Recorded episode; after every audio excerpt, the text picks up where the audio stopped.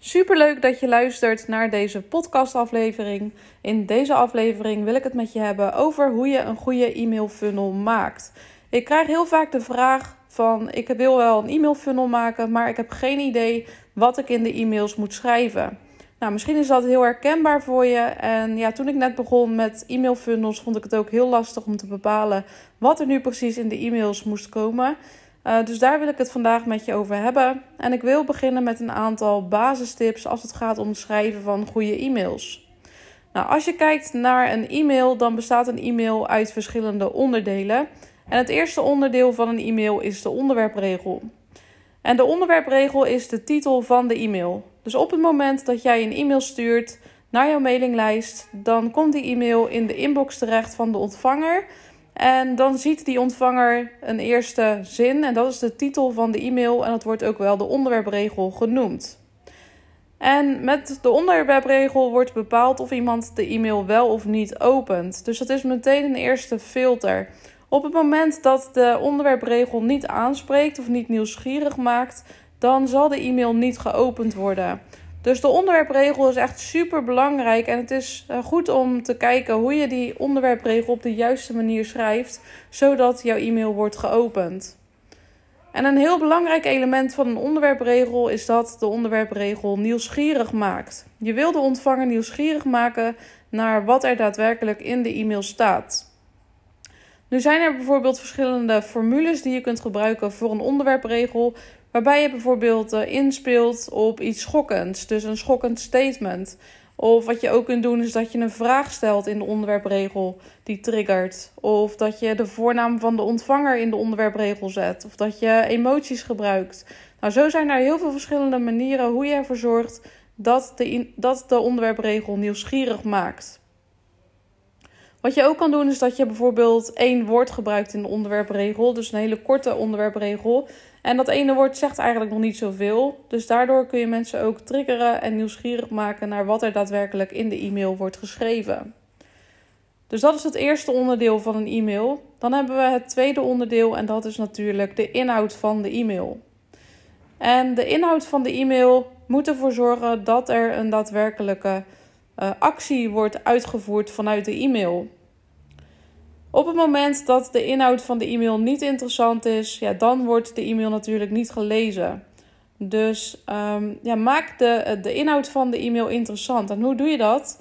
Ja, door te weten waar jouw doelgroep tegenaan loopt. Wat zijn de problemen van je doelgroep? Wat zijn de verlangens van je doelgroep? Uh, wat zijn de overtuigingen, belemmerende overtuigingen? Wat zijn de de bezwaren van je doelgroep, waardoor ze jouw aanbod nog niet willen kopen. Dat zijn allemaal dingen waar je naar kunt kijken. Dus het gaat erom dat jij je doelgroep heel goed kent, zodat je weet welke inhoud interessant is om over te schrijven. Nou, vervolgens wil je vanuit die inhoud dat iemand een bepaalde actie uitvoert vanuit de e-mail. En die actie kan zijn dat mensen moeten reageren op de e-mail of dat ze kunnen doorklikken naar een pagina op je website. Of dat ze een uh, video gaan bekijken. Of dat ze worden doorgestuurd naar een podcast of naar een blogartikel. Dus dat zijn allemaal verschillende vormen van vervolgacties. Dus het is heel goed om van tevoren na te denken: welke actie wil ik laten uitvoeren door de ontvangers? Wat wil ik dat de lezer gaat doen? En dan heb je te maken met een call to action in de e-mail. En de call to action is dus de vervolgactie die iemand kan uitvoeren vanuit de e-mail. Wat je bijvoorbeeld kunt doen is dat je een link zet in de e-mail en dat ze op die link kunnen klikken en dat ze dan ergens naartoe gaan. En wat er goed is om te doen bij een e-mail is dat je gebruik maakt van één call to action. Op het moment dat je meerdere call to actions in de mail zet, ja, dan kan er keuzestress ontstaan. En dat zorgt er juist voor dat je minder resultaat haalt uit jouw e-mail. Dus bedenk van tevoren wat de allerbelangrijkste actie is van de e-mail. Wat wil je dat de lezer gaat doen? En plaats dat als een call to action in de mail. Nou, daarnaast nog één tip en dat is gebruik veel witruimte in de e-mail. Veel e-mails worden op mobiel gelezen en op het moment dat je heel veel tekst achter elkaar zet, dus dat je een hele lange alinea hebt, ja, dan is het veel minder behapbaar om de e-mail te gaan lezen. Dus wat ik zelf altijd doe, is dat ik een enter zet achter iedere regel. Dus een, een, een lege regel achter iedere tekstregel, zeg maar. En daardoor wordt de e-mail veel behapbaarder om te lezen. Ook gebruik ik korte zinnen, dus ik vermijd dat er hele lange zinnen in de e-mail staan, want ook daardoor wordt het weer minder fijn om de e-mail te lezen. Dus ik gebruik altijd korte zinnen. Nou, daarnaast heb je ook te maken met de eerste zin van de e-mail. En de eerste zin van de e-mail, ja, die moet ervoor zorgen dat de rest van de e-mail wordt gelezen. Op het moment dat de eerste zin niet aanspreekt, dan zal uh, de kans kleiner zijn dat de rest van de e-mail wel wordt gelezen. En een trucje voor de eerste zin van de e-mail is dat je waarheid gebruikt in de eerste zin. Dus gebruik een statement die sowieso waar is. Op het moment dat je namelijk waarheid gebruikt in de eerste zin, dan wordt de geloofwaardigheid van de rest van de e-mail ook een stuk hoger. Dus dat is een klein trucje die je kunt gebruiken. Ook probeer ik altijd de eerste zin van de e-mail vrij kort te houden. Nou, je kan mensen ook in de eerste zin triggeren door bijvoorbeeld een bepaalde vraag te stellen. Dus dit zijn een aantal algemene tips over hoe je goede e-mails schrijft voor in je e-mail funnel. Maar hoe bouw je een e-mail funnel nu precies op? Hoeveel e-mails heb je nodig om ervoor te zorgen dat mensen overgaan tot een aankoop? En wat zet je precies in de verschillende e-mails? Ik vergelijk een e-mail funnel altijd met daten. Op het moment dat jij met iemand gaat daten en je leert elkaar net kennen, nou wat ga je dan doen? Je gaat op een eerste date en je vertelt meer over jezelf, want je wilt elkaar beter leren kennen. Dus uh, als je dit vergelijkt met een e-mail funnel, dan wil je in het begin van die e-mail funnel wil je ook iets over jezelf vertellen. En wat ik vaak doe is dat ik een, uh, een tweede e-mail stuur en in die tweede e-mail daarin stel ik mezelf voor en deel ik mijn verhaal. En als ik dan kijk naar mijn verhaal, dan ga ik niet mijn hele levensverhaal delen. Dus ik ga niet vertellen op welke eh, school ik heb gezeten, wat ik vroeger allemaal deed, et cetera. Want dat is niet interessant voor jouw ideale klant. Wat je juist wil doen in de e-mail waarin je je verhaal deelt, is dat je herkenning oproept bij je ideale klant. Je wilt er namelijk voor zorgen dat jouw verhaal aansluit op de behoeften van je doelgroep. Je wil zorgen voor herkenning en je wil laten zien dat jij al staat waar jouw doelgroep graag zou willen staan. Wat vaak zo is, vooral bij trainers en coaches, is dat jij eigenlijk zelf je ideale klant bent, maar dan al een aantal stappen verder. Dus wanneer je je verhaal schrijft, dan wil je daarin laten zien waar je eerst stond. Dus het punt waar jouw ideale klant nu staat. Je wil iets vertellen over uh, hoe je je toen voelde in de situatie, waar je tegenaan liep. Maar je wil ook jouw aha-moment delen. En jouw aha-moment is eigenlijk het omslagpunt in jouw verhaal. Dus um, ja, wat was het moment waarop je besloot dat het anders moest? Dat je iets moest veranderen aan de situatie? Wat was dat moment? En probeer dat met veel details te omschrijven. En daarna wil je ook delen wat dan de oplossing was voor jouw probleemsituatie. Wat heb je gedaan om uit de situatie te komen? Wat was de oplossing? En hoe ziet jouw situatie er nu uit? Hoe voel je je nu? Um, uh, hoe is jouw situatie nu anders dan de situatie waar je eerst in zat? En door op die manier jouw verhaal te delen, wordt de transformatie die je zelf hebt meegemaakt heel erg duidelijk. En uh, zal jouw potentiële klant ook denken: ja, uh, dit wil ik ook bereiken en dit is haar al gelukt, dus dan moet het mij ook lukken. Dus je geeft ook een stukje hoop door het delen van jouw verhaal. Daarnaast zorgt het delen van jouw verhaal ook voor een stukje verbinding. Want doordat je iets over jezelf vertelt, kan jouw doelgroep ook connecten op persoonlijk vlak. Um, probeer ook bijvoorbeeld wat kleine feitjes te delen in de e-mail. Dus um, hou je van dieren? Wat zijn je hobby's? Hou je van reizen? Wat is je favoriete chocola? Nou ja, zulke dingen kun je dus ook delen. Je kunt ook delen dat je uit een uh, bepaalde plaats komt. Dat zijn allemaal kleine dingen waar mensen ook op kunnen connecten. En daardoor ontstaat er een persoonlijke connectie met jouw doelgroep. Nou, als we nu even teruggaan naar dat daten. Wat doe je als je op een eerste date gaat? Dan geef je ook iets van een cadeautje vaak. Dus misschien een bosje bloemen of um, ja, gewoon een klein cadeautje. En als we dan kijken naar die e-mail funnel, wat je wil doen is je wil altijd beginnen met het toesturen van een gratis weggever. Dus dat doe je in de eerste e-mail. In de eerste e-mail stuur je jouw gratis weggever toe die iemand heeft aangevraagd. Want hoe komen mensen in jouw e-mail funnel? Dat is vaak via een gratis weggever, zoals een e-book, checklist, webinar uh, of wat dan ook. Er zijn verschillende soorten gratis weggevers die je kunt weggeven. En die wil je toesturen in de allereerste e-mail. En in die allereerste e-mail wil je ook duidelijk maken wat iemand de komende tijd kan verwachten. Dus uh, wat ga je delen in de komende e-mails? Wat kunnen ze verwachten? Hoe vaak je de e-mail stuurt? Etcetera. Nou, dan hebben we dus die tweede e-mail waarin je jezelf voorstelt en waarin je jouw verhaal deelt. Die opbouw heb ik net met je gedeeld. Nou, als we dan weer kijken naar dat daten. Je bent dus op een eerste date geweest. Na die date, ja, dan heb je al een beter beeld van die persoon. En het klikt of het klikt niet. Nou, het kan zijn dat het totaal niet klikt. En als we dan kijken naar de e-mail funnel, wat je dan vaak ziet, is dat er ook een aantal mensen direct weer uitschrijven. En dat is niet erg, want die mensen passen niet bij jou. Dus wees niet bang voor uitschrijvingen bij je e-mail funnel, want dat is eigenlijk juist heel erg goed. Want daardoor blijven de juiste mensen wel ingeschreven staan. En de mensen waar je toch al geen klik mee hebt, die schrijven zich automatisch uit. Dus de e-mail funnel kan ook dienen als een heel goed filter waarmee je alleen de juiste klanten aantrekt. Nou, als je dan op die eerste date bent geweest en het klikt, ja, dan ga je met elkaar appen en dan uh, ga je op een tweede date en op een derde date. En je leert elkaar steeds beter en beter kennen. Er ontstaat steeds meer vertrouwen en je bouwt echt aan een relatie. En dat effect wil je ook bereiken in de e-mail funnel. Dus in de e-mail funnel stuur ik nog een aantal e-mails uh, waarin ik vooral uh, waarde deel. En het delen van waarde betekent niet dat je alleen maar aan het informeren bent en alleen maar tips aan het geven bent, want dat zie ik wel heel vaak gebeuren. Maar je wilt mensen juist niet overladen met heel veel tips, want dan spreek je niet het emotionele brein aan.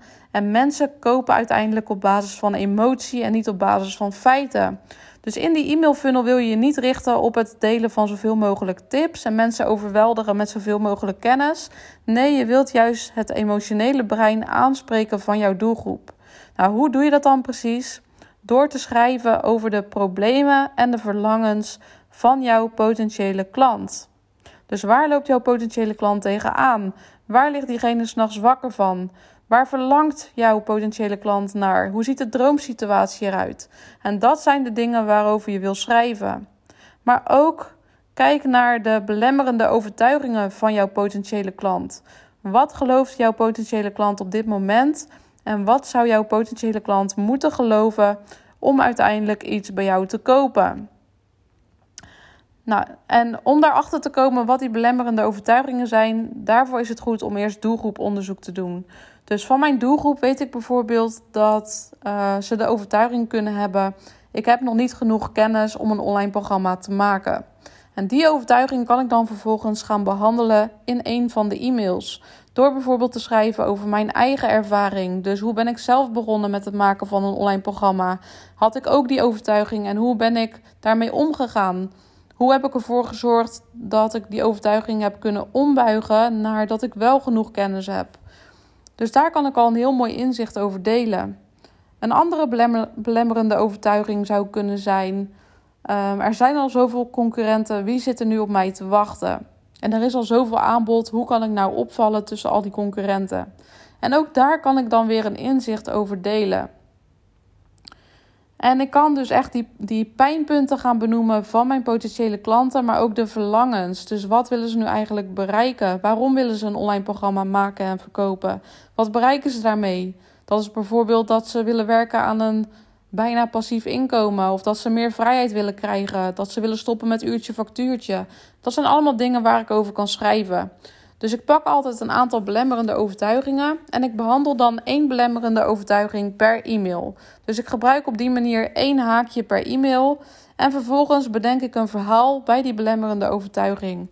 En via dat verhaal kan ik die overtuiging ombuigen. Nou, waarom zet ik vooral verhalen in in de e-mails? Omdat je met verhalen weer dat emotionele brein aanspreekt. En verhalen blijven veel beter hangen dan simpelweg het delen van een aantal tips en het delen van feiten. Dus je wil ook storytelling gaan toepassen in jouw e-mail funnel. Dus we hebben nu uh, een aantal elementen genoemd van een goede e-mail funnel. Dat is allereerst jouw persoonlijkheid. Dus deel jouw persoonlijke verhaal, maar vertel ook dingen over jezelf, want daardoor ontstaat een persoonlijke connectie. Kijk ook naar de belemmerende overtuigingen van je doelgroep en naar de emotie. Dus hoe kan je dat emotionele brein aanspreken? Dus dat zijn al een aantal dingen uh, ja, waar je rekening mee dient te houden bij het maken van een goede e-mail funnel. En daarnaast wil ik nog een ander element met je delen en dat is urgentie. Want veel producten en diensten zijn tegenwoordig nice to have in plaats van need to have. En daarmee bedoel ik dat je het product niet per se nodig hebt om te kunnen overleven.